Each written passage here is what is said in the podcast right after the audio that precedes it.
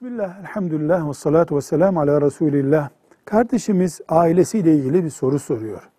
Nikah kıyarken hoca efendinin yanında benim üstüme bir kadın daha alırsan ben boşanmış olurum. Tamam mı dedi. Ben de tamam dedim. Şahitler buna hazır oldular. Biz evlendik, çoluk çocuğumuz oldu. O şartı hatırladık.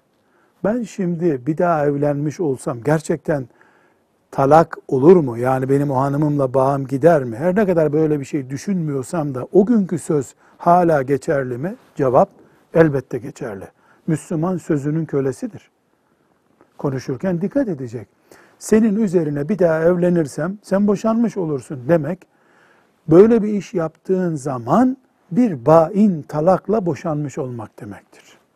Velhamdülillahi Rabbil Alemin.